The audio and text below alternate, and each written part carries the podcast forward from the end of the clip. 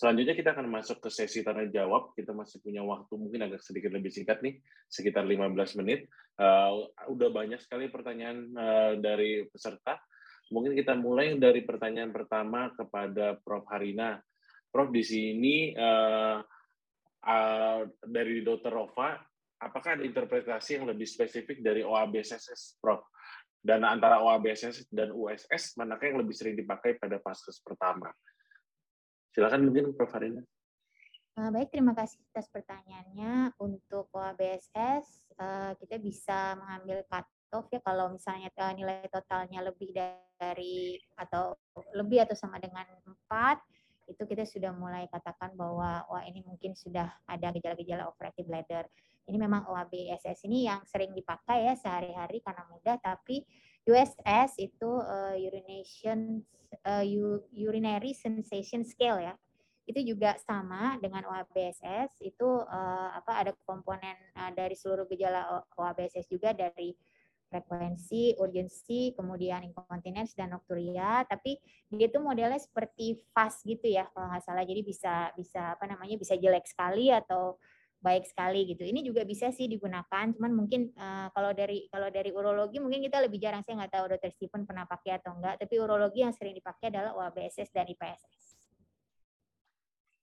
Baik, terima kasih Prof. Harina. Uh, dokter, dokter Vina mungkin ada tambahan dok? Tidak ada dokter Stephen sama seperti Prof. Vina, uh, mungkin UABSS lebih uh, lazim digunakan saat ini ya pada uh, uh, kondisi lapangan. Baik, terima kasih dokter Vina. Selanjutnya ada dari Dr. Halim dari Banjarmasin kepada Prof. Harina. Apakah ada indikasi Prof untuk menggunakan sacral modulation atau sacral neuromodulation pada anak-anak yang juga memiliki simptom OAB atau neurogenic bladder, Prof? Uh, silakan Prof. Harina. Ya. Baik, uh, dari dari beberapa penelitian yang saya baca sih ada sih dok uh, menunjukkan hasil-hasil uh, sacral nerve modulation ini hasil-hasil yang baik pada voiding dysfunction dan neurogenic LUTD pada anak ya. Uh, juga ada beberapa penelitian pada pasien-pasien spina bifida yang ada hmm. yang ada apa? yang ada kelainan dari voiding dysfunction itu juga uh, hasilnya cukup cukup menjanjikan.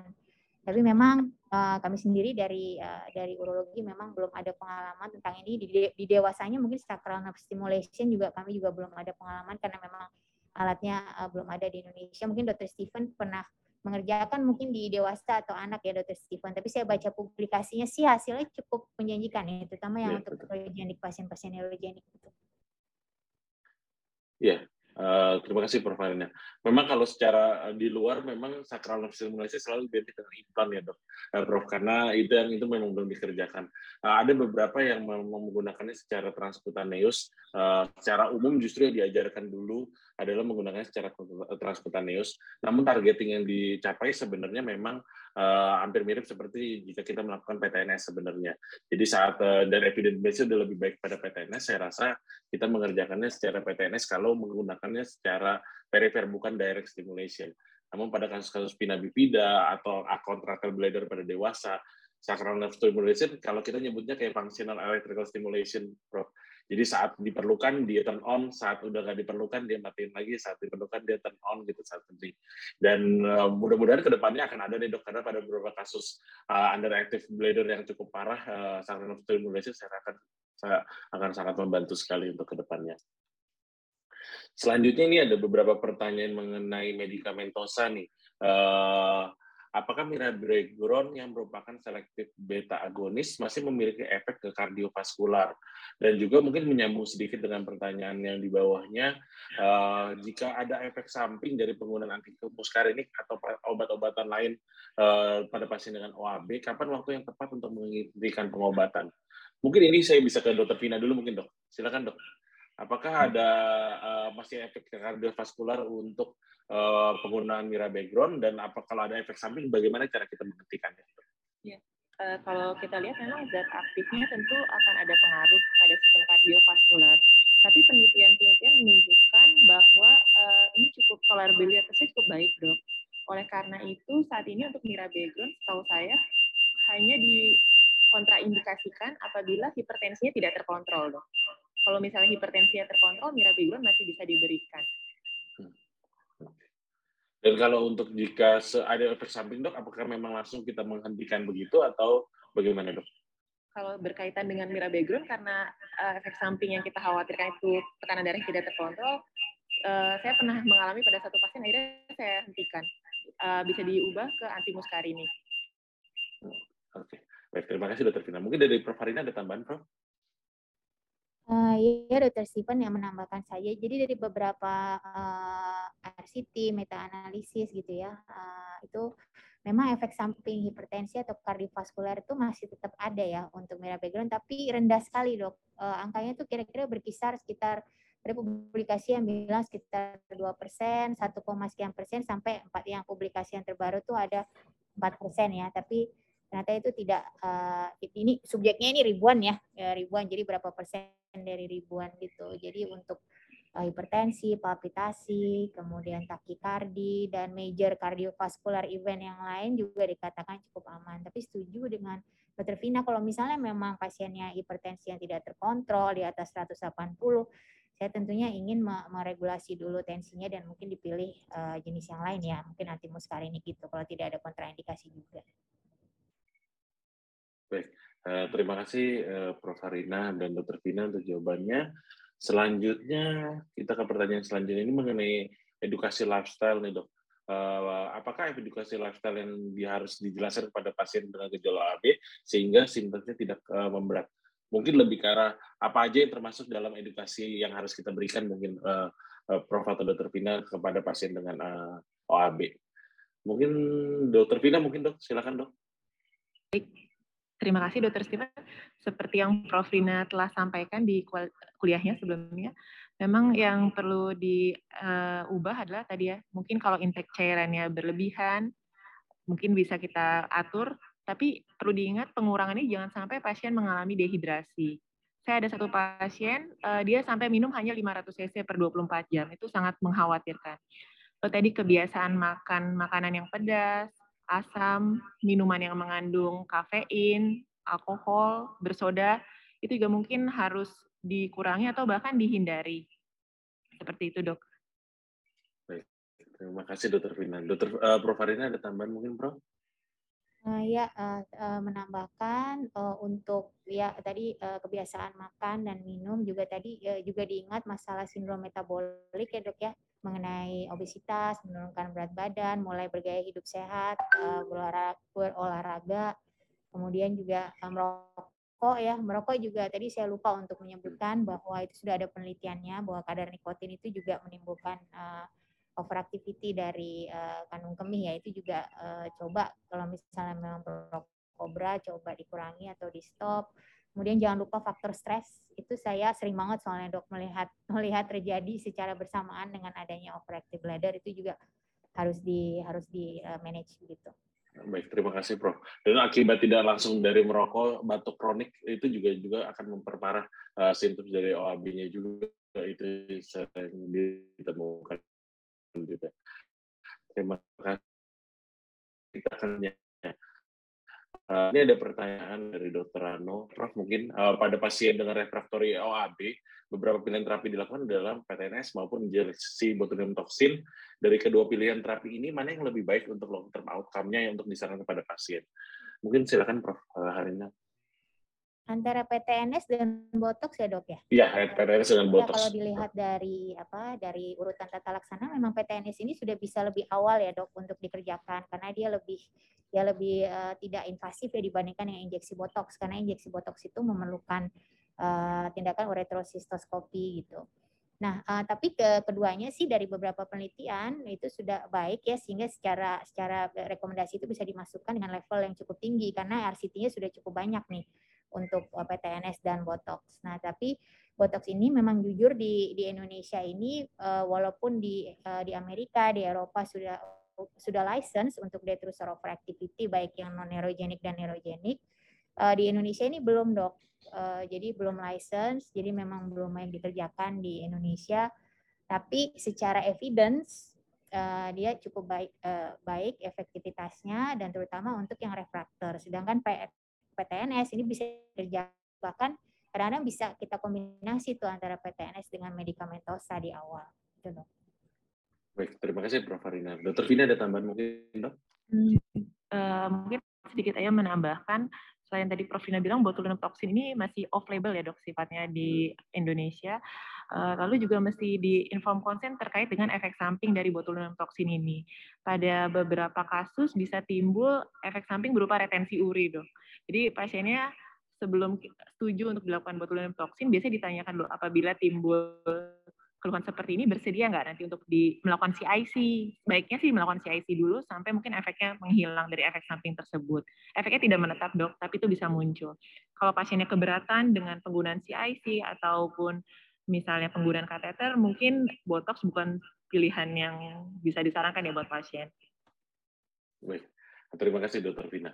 Uh, selanjutnya ada pertanyaan menarik di kolom chat uh, dari dokter Toko Abdi Nah, mohon bertanya bagaimana cara membedakan pasien curiga interstitial cystitis atau bladder pain syndrome dengan pasien curiga OAB yang kemungkinan memiliki manifestasi yang mirip.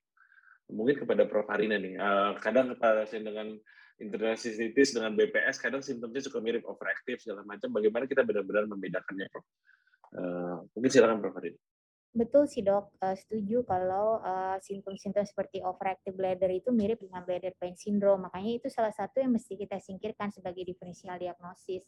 Tapi namanya bladder pain syndrome ada kata pain di situ. Biasanya menonjol adalah nyerinya ya. Kalau overactive bladder memang beser begitu tapi tanpa nyeri. Tapi begitu ada nyeri kita udah harus waspada nih. Salah satu red flag tadi ya, kalau ada nyeri, hematuria dan lain-lain kita harus waspada. Ini mungkin bukan overactive bladder, mungkin ada yang lain. Tapi nyeri itu juga kita mesti telusuri juga benar dia bladder pain atau enggak. Apakah dia misalnya dia batu atau tumor juga bisa painful juga gitu loh. Jadi hati-hati kalau misalnya udah ada pain, ada nyeri, kita mesti telusuri lebih lanjut. Mungkin bukan overactive bladder.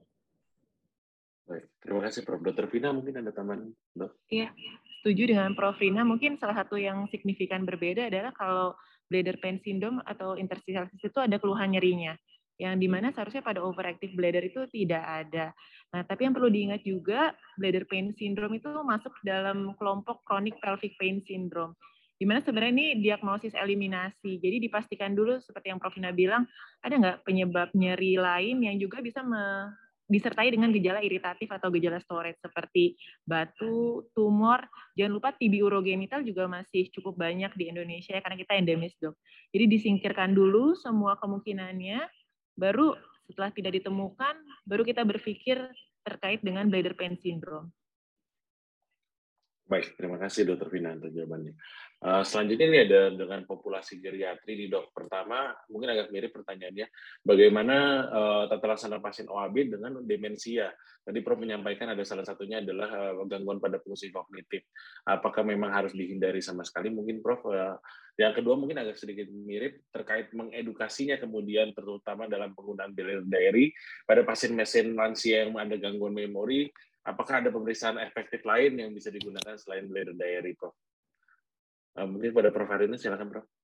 Uh, ya ini challenging sih emang Prof uh, pasien dengan uh, geriatri dengan gangguan fungsi kognitif. Biasanya sih kami uh, berusaha untuk berkomunikasi dengan caregivernya. Caregivernya entah keluarga atau yang sehari-hari menemani beliau siapa, kira-kira mampu laksana nggak untuk membuat suatu bladder diary ya. Rata-rata sih uh, bisa jadi dibantu gitu untuk mencatatkan setidaknya kencing dan minum gitu dan kemudian diukur dengan uh, apa dengan gelas ukur gitu caregivernya kalau memang menemani sehari-hari masih bisa.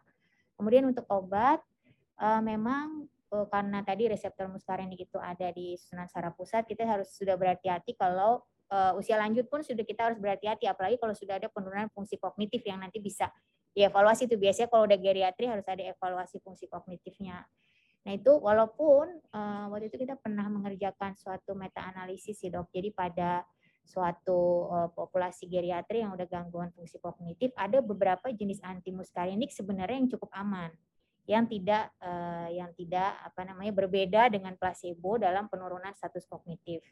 Tapi yang jelas tadi dari dari dari meta analisis yang juga kita lihat bahwa mirabegron ini justru karena memang reseptornya tidak di sana, mungkin kita bisa lebih memilih itu mungkin ya kalau sudah jelas ada ada penurunan fungsi kognitif sih mungkin lebih aman ya untuk memilih beta 3 agonis walaupun ada beberapa jenis antimuskarinik yang mungkin masih aman juga Baik, Terima kasih Prof. Arina. Dokter Vina mungkin yang tambahan dok. Uh, hampir sama ya dengan Prof. Rina tadi. Memang kalau dari meta analisis tidak semua antimuskarinik itu menyebabkan uh, gangguan kognitif, tapi memang pada pasien geriatri ditambah demensia itu kita harus lebih hati-hati lagi. Dan kalau mau lebih aman mungkin pemilihan beta 3 agonis uh, lebih diutamakan dibandingkan mungkin antimuskarinik pada populasi tertentu. Baik, terima kasih dokter Vina. Ini ada masih terkait obat dok. Uh, jika ditemukan uh, uh, efek samping dry mouth pada penggunaan OAB, uh, pada penggunaan antimuskarinik pada pasien OAB, apa yang harus kita lakukan ini pilihan ganda nih dok? Menurunkan uh, dosis atau dia dan kombinasi dengan mirabegron, terus menghentikan antimuskarinik sama sekali, kemudian diganti dengan mirabegron, bahwa edukasi ke pasien bahwa ini efek samping yang tidak apa-apa, yang pilihan berikutnya adalah menggulung es batu atau BSSD kayaknya enggak deh. Kita harus melakukan salah satu dari itu. Kira-kira gimana nih uh, pendapat dari BSSD sih jadi inget zaman lu sekolah BSSD. BSSD. uh, apa namanya untuk untuk dry mouth ya uh, kita lihat dulu seberapa seberapa berat dry mouth ini gitu ya kalau ini kita kalau misalnya memang itu memang banyak data-data memang mouth terkait dengan pengobatan antimuskarinik itu lebih tinggi memang sudah terbukti dari mirabegron. Jadi sebenarnya kalau misalnya memang pasiennya tidak bisa menolerir lagi, ya diganti saja dengan beta 3 agonis gitu misalnya. Tapi beda ini jadi berbeda kasus kalau misalnya misalnya ini tidak uh, tidak ada misalnya ketidaktersediaan obat gitu, tidak ada beta 3 agonis, ya ada beberapa uh, beberapa ya ini seperti ini mengulum es batu mungkin yang sering sering ditampilkan adalah mengunyah mengunyah permen karet ya, chewing gum gitu, kemudian memakai eh, pelembab gitu, pelembab di daerah mulut gitu ya. Tapi saya ada sih pasien yang benar-benar nggak tahan dok, benar-benar benar-benar keringnya tuh kering di mulut, kering di mata yang benar-benar dia nggak tahan sih. Saran saya kalau misalnya tidak ada masalah dengan beta 3 agonis diganti saja karena angka uh, mouth itu jauh lebih rendah. Baik, terima kasih Prof. Dokter Vina mungkin yang tambahin. Uh, iya dok, seperti yang Prof Vina sebelumnya telah sebutkan nih terapi OAB ini sangat tailorized tergantung dari pasien-pasiennya. Jadi kita nilai dulu seberapa terganggunya memang. Kalau memang sangat terganggu, tadi memang pilihan uh, mungkin beta 3 agonis bisa menjadi pilihan. Tapi kalau misalnya masih bisa tolerable dan dia merasa ada efek uh, positif dari terapi antimuskariniknya, uh, kalau mau mencoba mengurangi dosis boleh. Tapi memang uh, mengkombinasi dengan beta 3 agonis itu akan jauh lebih baik ketimbang kita dos, penggunaan dosis tinggi dari antimuskarinik, dok. Ya. Baik, eh, terima kasih Dokter Vina. Saya rasa masih banyak pertanyaan lain, namun waktu sudah habis nih untuk pertanyaannya. Uh, saya rasa yang nanti bisa ditanyakan langsung ke kita atau ke panitia uh, karena waktu yang membatasi. Terima kasih sekali lagi saya rasa uh, untuk sesi hari ini. Terima kasih banyak pada narasumber hari ini Prof. Harina dan Dr. Vina atas penyampaian materi yang sangat baik tadi sangat lengkap sudah membuka wawasan mengenai tata laksana yang dapat kita lakukan pada pasien-pasien dengan overactive bladder dan juga kepada Dr. Vina untuk mengantar kasus-kasus yang tadi disampaikan untuk kita memahami lebih lanjut bagaimana mengaplikasikan tata laksana tersebut dalam uh, real case. Eh, dan juga tidak lupa terima kasih banyak kepada pihak Astela sebagai sponsor untuk acara webinar pada hari ini dan juga untuk IKTEK dan juga Departemen Neurologi sebagai penyelenggara acara webinar pada pagi hari ini. Uh, akhir kata, saya mewakili uh, panitia Mohon maaf atas kekurangan-kekurangan pada webinar hari ini, dan semoga webinar hari ini dapat memberikan manfaat untuk kita semua, untuk praktik sehari-hari sejawat sekalian. Sampai bertemu kembali, mungkin di kesempatan-kesempatan selanjutnya. Terima kasih atas partisipasinya, selamat siang, dan selamat uh, weekend. Uh, sampai ketemu di kesempatan lain. Terima kasih, uh, Prof. Harina, Dr. Vina. Terima kasih, Dr. Terima kasih, Prof. Rina. Terima kasih, para peserta. Terima kasih para peserta.